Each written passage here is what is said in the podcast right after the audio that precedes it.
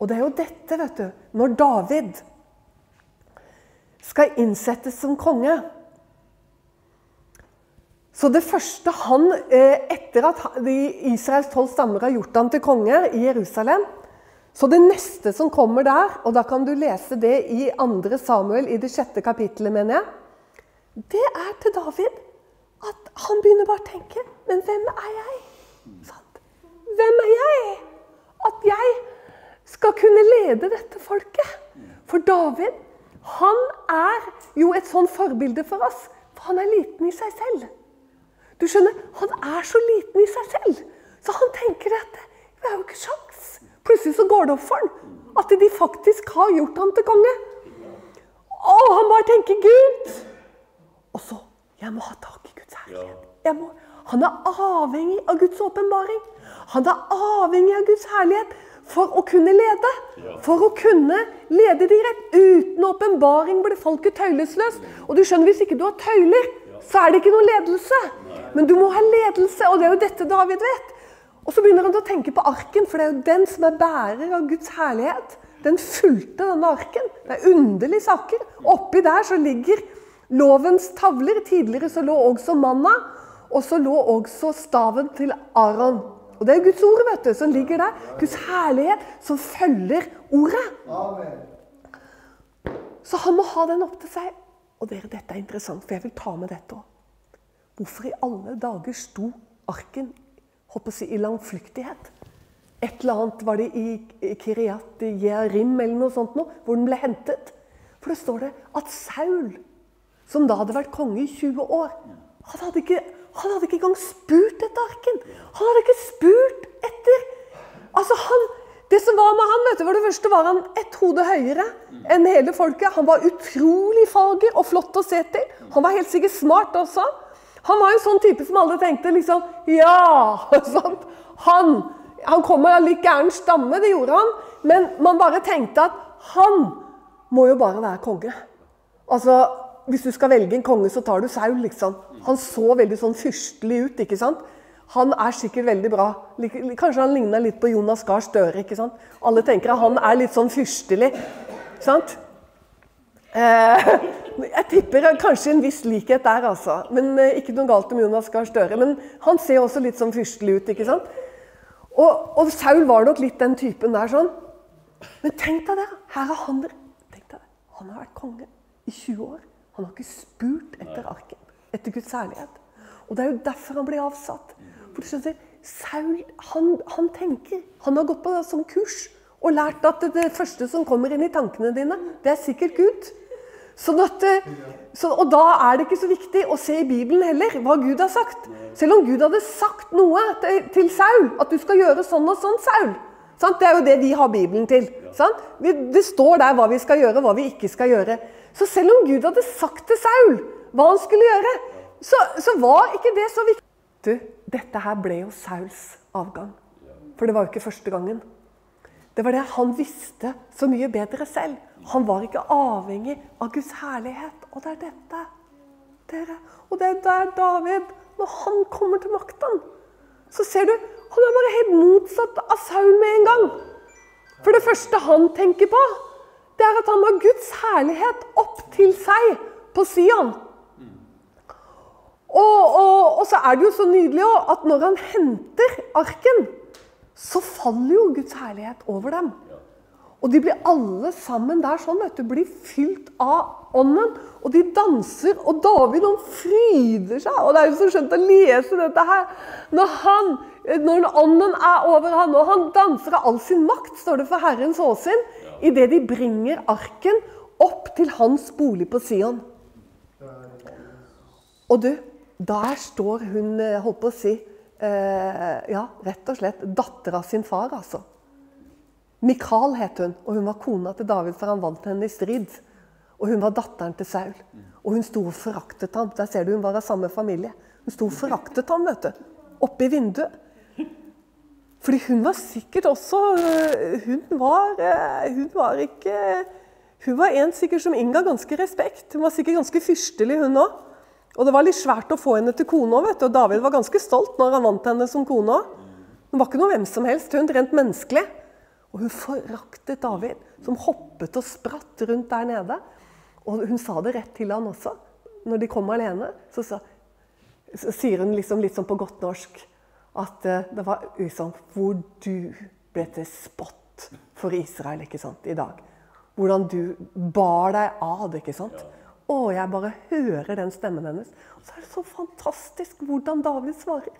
Så sier han jeg skal, og så bare går, jeg bare tenker Han går rett mot henne. Så sier han jeg skal gjøre meg enda mindre til.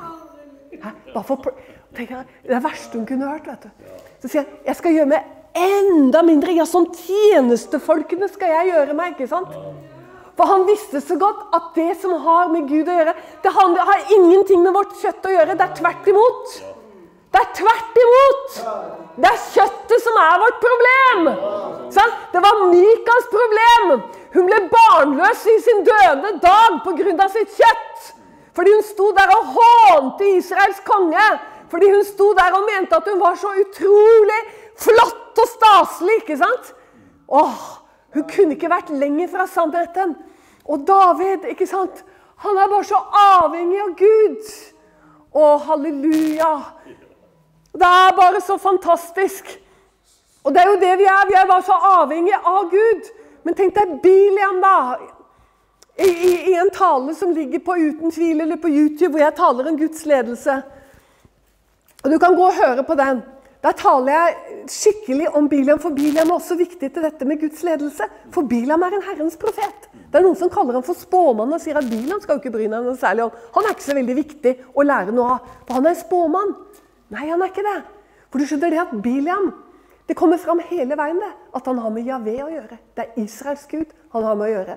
Når de kommer for å hente han og sier 'Kom, kom og forbann Israel', så sier han For det første skal jeg si til deg han visste at Israel var velsignet, og at han ikke skulle forbanne dem. Han visste det, for han hadde med Gud å gjøre.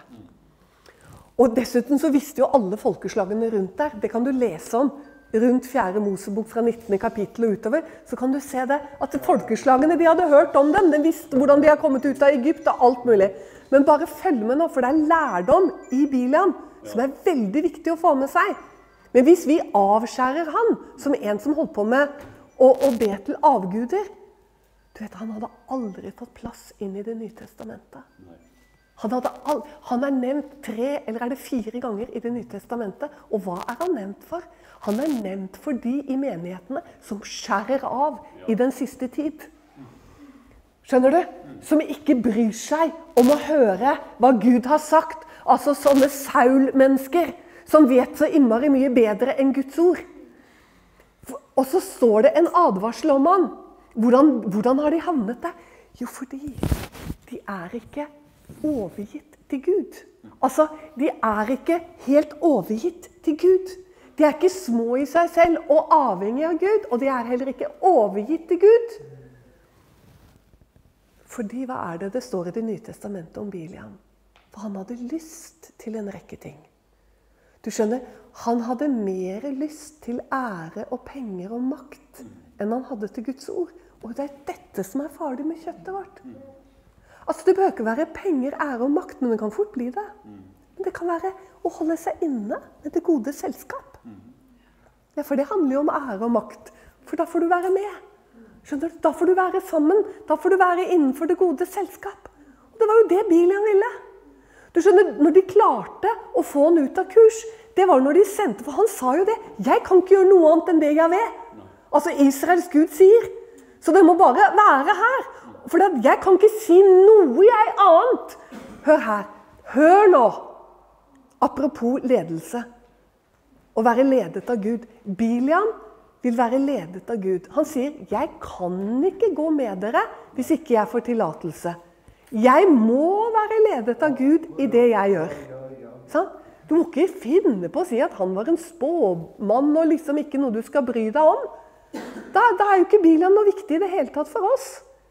Nei, Han sier, 'Jeg må gå og tale med Javé, Israels Gud', for jeg kan bare gjøre det han gjør det han sier at jeg skal gjøre. Og han får ikke lov å gå med dem. Men du, nå vil jeg bare gå rett til dette. Og jeg har talt om det før, og du som har hørt det før, du får bare høre det igjen. Fordi selve, kan du si, hovedfokus for oss må være når de kommer igjen. Når de kommer igjen. For da kommer de med enda større fristelse til å ikke lyde Guds ord. Fordi at nå kommer de med menn som har enda mer ære med seg. For det første har de sikkert større lønn med seg, men hør nå, det er ikke det viktigste. Det viktigste er nemlig den rang disse menneskene er av som kommer. For Balak, han er smart. Så når han sender dem for andre gang for å purre på ham, så sender han folk av enda høyere posisjon. Forstår du? Det er enda viktigere å holde seg inne med disse høye herrene av moabitter og midianitter. Det er viktig å holde seg inne med dem. Det er stor ære å få lov å bli med disse menneskene. Og nå kommer det. Nå kommer fallet. Så si, her, du skjønner, her blir det åpenbart, og det er det Gud vil at vi skal se med Biliam, hva som bor i hjertet hans. Det er jo derfor Jakob sier i brevet sitt 'Rens hjertene, dere tvesinnede'. Og han snakker til menigheten, han snakker til oss. Vi blir så lett, Du skjønner, du må vokte hjertet ditt. Du må passe på hjertet ditt. Du må, du må ta vare på hjertet fremfor alt du tar vare på. For i hjertet ditt så kan det komme andre viljer inn. Og det kan være så snokete at du nesten ikke helt klarer å avsløre det en gang. Men han avslører Det er litt sånn romklang. Jeg lurer på om du skal prøve å gjøre noe med lyden. den som har med det å gjøre. Hør nå. Det blir avslørt for oss en gang for alltid. Ikke sitt og tenk på romklangen nå, da, kjære dere. Det blir avslørt en gang for alle hva det handler om. Fordi Biliam sier Jeg kan ikke gjøre noe annet. Hør her. Dette syns jeg er så fint. For Legg merke til at de som taler taler slik at det faret vil, de taler også veldig rett. For, og det er akkurat det Biliam gjør. Han sier 'Jeg kan ikke gjøre noe annet enn det Guds ord sier'.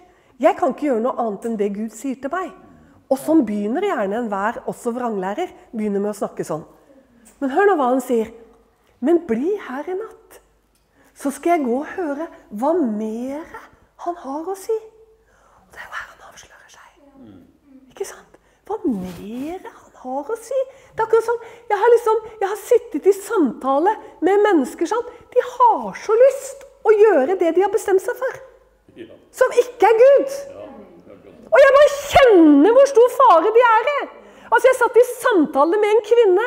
som Hun var enke, og han var enke. Og de hadde lyst til å gifte seg med hverandre. Kjære Gud, ja, hva er problemet, sa jeg. For Guds skyld.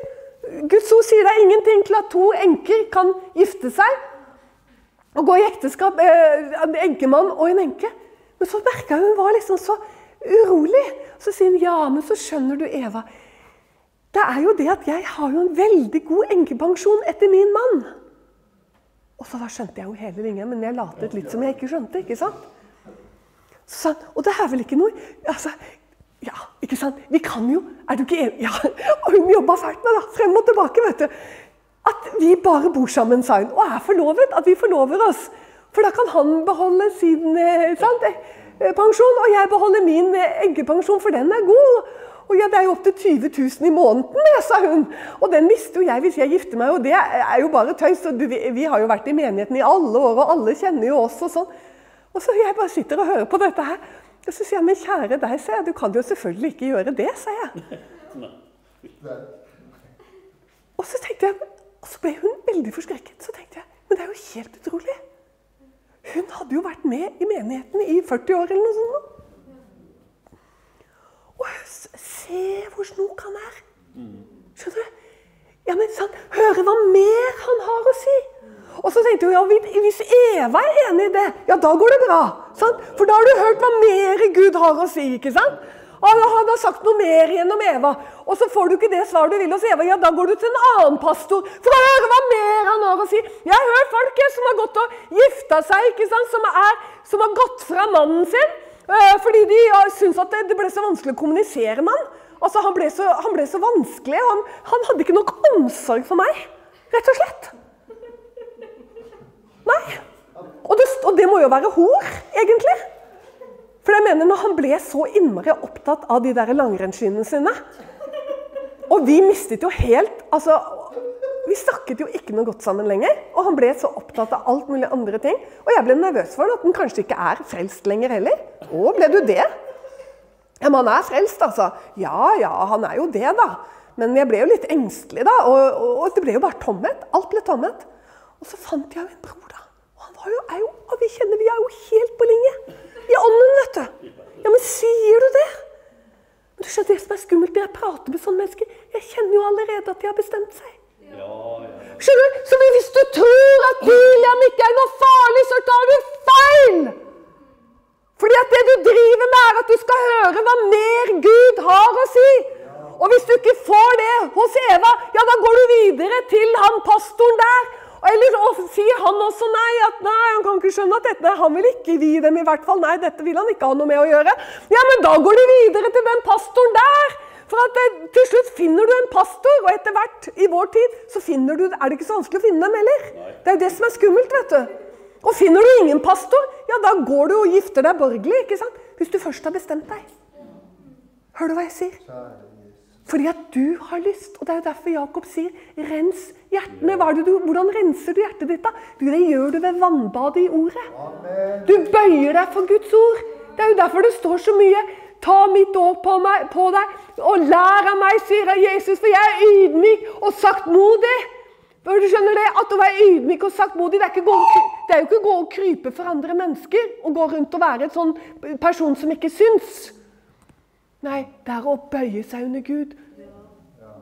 Hva er, det, hva er det det står for noe? Det står 'ydmyk dere under Gud'. står det. Å stå djevelen imot. Går ikke an å stå djevelen imot hvis ikke du ydmyker deg under Gud.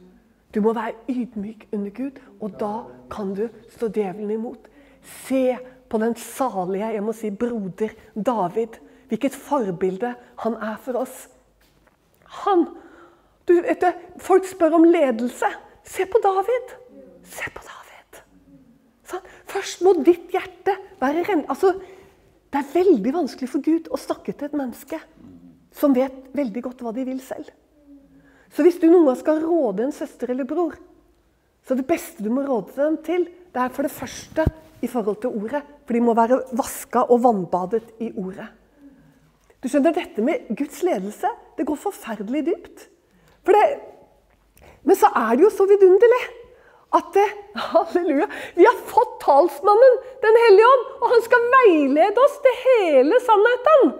Sånn, sånn at Jesus i Johannes 14, når han begynner å introdusere dette, så sier han det at nå går jeg bort, sier han, for å gjøre i stand et sted for dere. Og når jeg har gjort det i stand Altså, Jeg må jo bare stoppe der, for det er jo helt fantastisk. Han har jo gitt oss målet for hele vår vandring. Og da er det jo ikke så vanskelig med veien når vi har fått målet. Men det er fryktelig vanskelig å vite hvor du skal gå hvis ikke du har mål.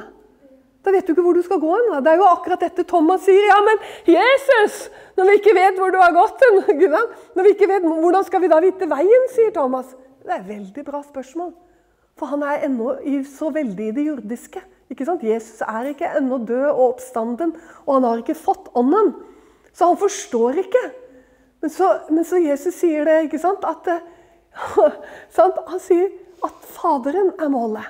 Så sier han at 'jeg er veien'. Så den som holder seg nær til han For han er jo veien, og da må du holde deg helt på Jesus, da. Hvis han er veien. Skjønner du? Da må du jo bare holde deg til han som er ordet. Han er ordet. Og i samme kapittel så åpenbarer han hvem som elsker han. Kapittel 14. Han gir oss hele ledelsen i kapittel 14. Han gir oss Den hellige ånd, og så sier han det at Hvem er den som elsker meg? Det er den som holder mine ord, sier han. Og han sier det tre ganger i samme kapittel. Det som holder mine ord. Så hvis du er virkelig interessert, så skal jeg si deg at Gud, han leder. Og så skal jeg si deg én ting til. Det er det at du, Jeg hørte en som sa det at Ja, du skjønner det at hvis det er bare vi som prater til Gud i bønn Det er ikke noe dialog, det, vet du, sier han. Det ja, greit nok. Så sier, men så kommer da løsningen. Så Derfor så må du være stille, og så må du sitte og lytte.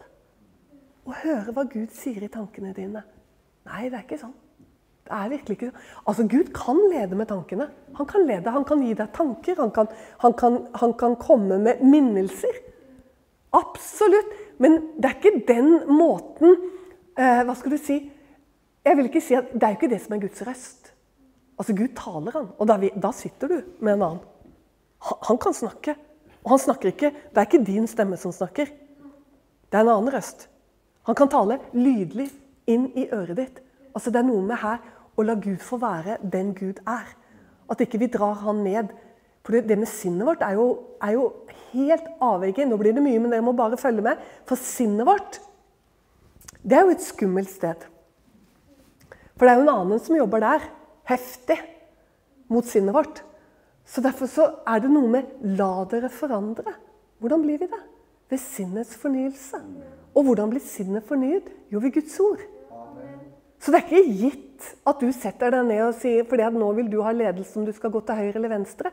Så er det ikke gitt at Gud kommer til å tale inn i det. Men jeg skal si deg når Gud Når du er en som holder deg til Jesus, som klamrer deg til Jesus, han er ditt liv. Du er som David, du er helt avhengig av han.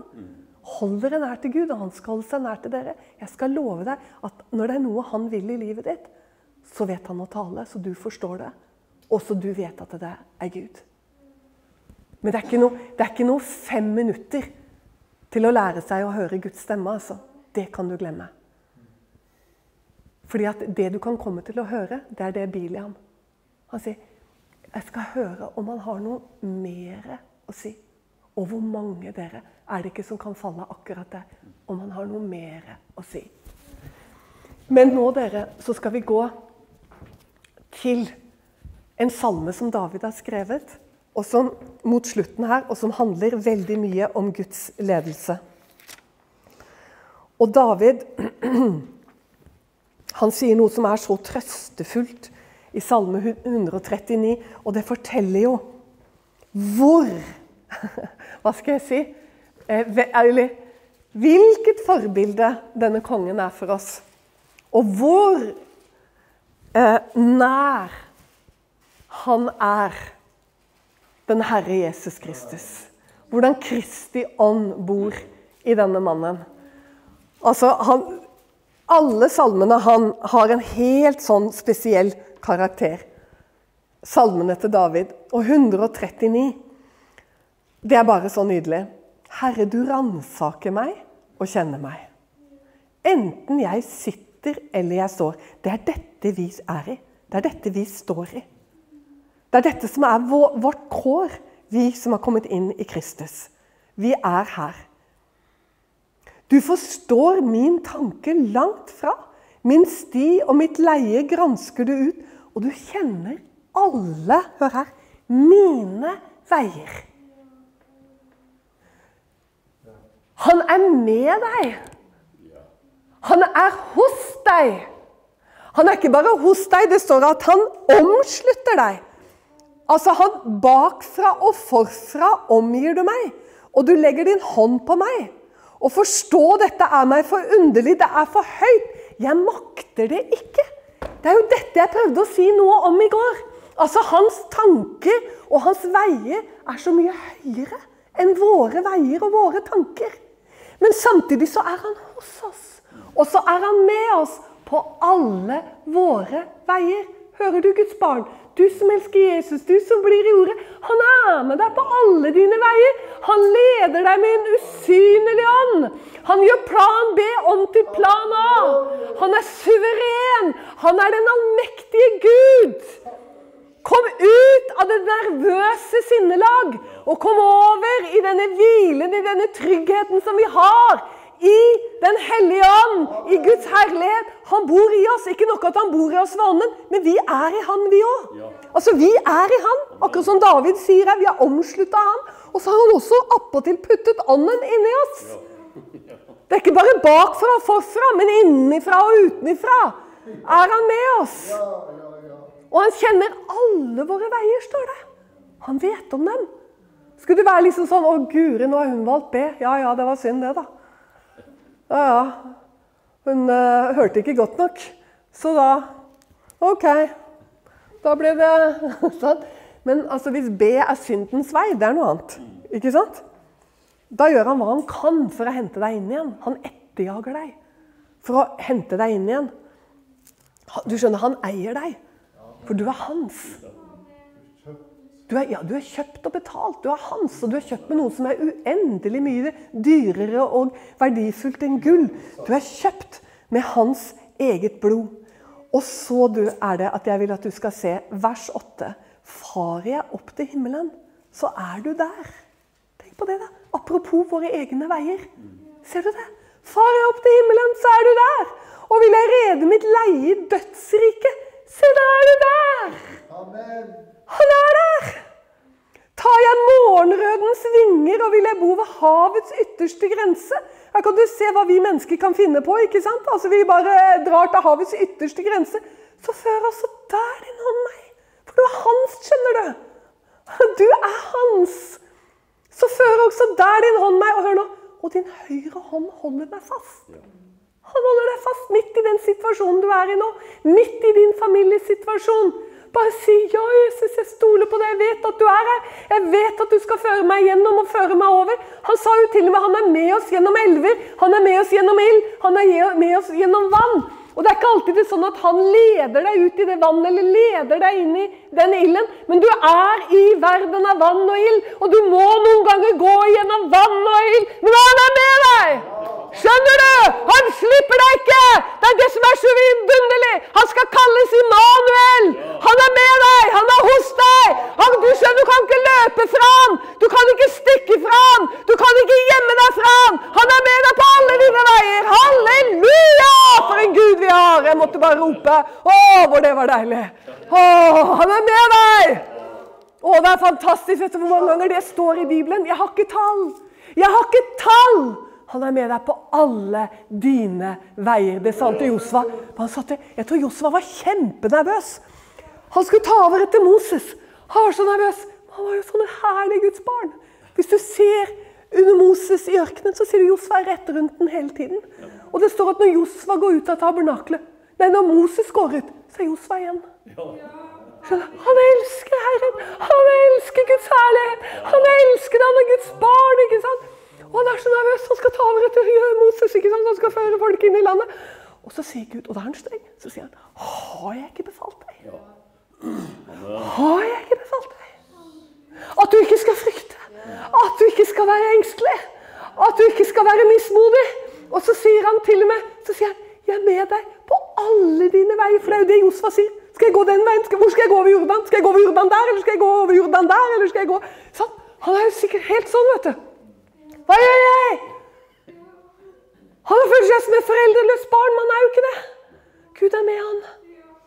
Spiller ingen rolle, Josfa, om du går over Jordan der eller der. Jeg er med deg. Halleluja. Åh!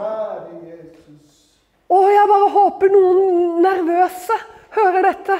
Noen som sitter og skummer gjennom alle mulige oppbyggelig litteratur. Fordi de skal lære å høre Guds røst. Og de skal lære å skjønne hvem de er i Kristus. Og de sitter og blar i alt dette her sånn. Men du skjønner det, Gud er bare så ufattelig. Hyrde, far og omsorgsfull. Han skal kalles veldig Gud, evig far, fredsfyrste, rådgiver. Underfull rådgiver. Du kommer aldri til å skjønne det. Det er akkurat derfor det står 'underfull rådgiver'. Du kommer ikke til å skjønne det, for han er med deg på alle dine veier.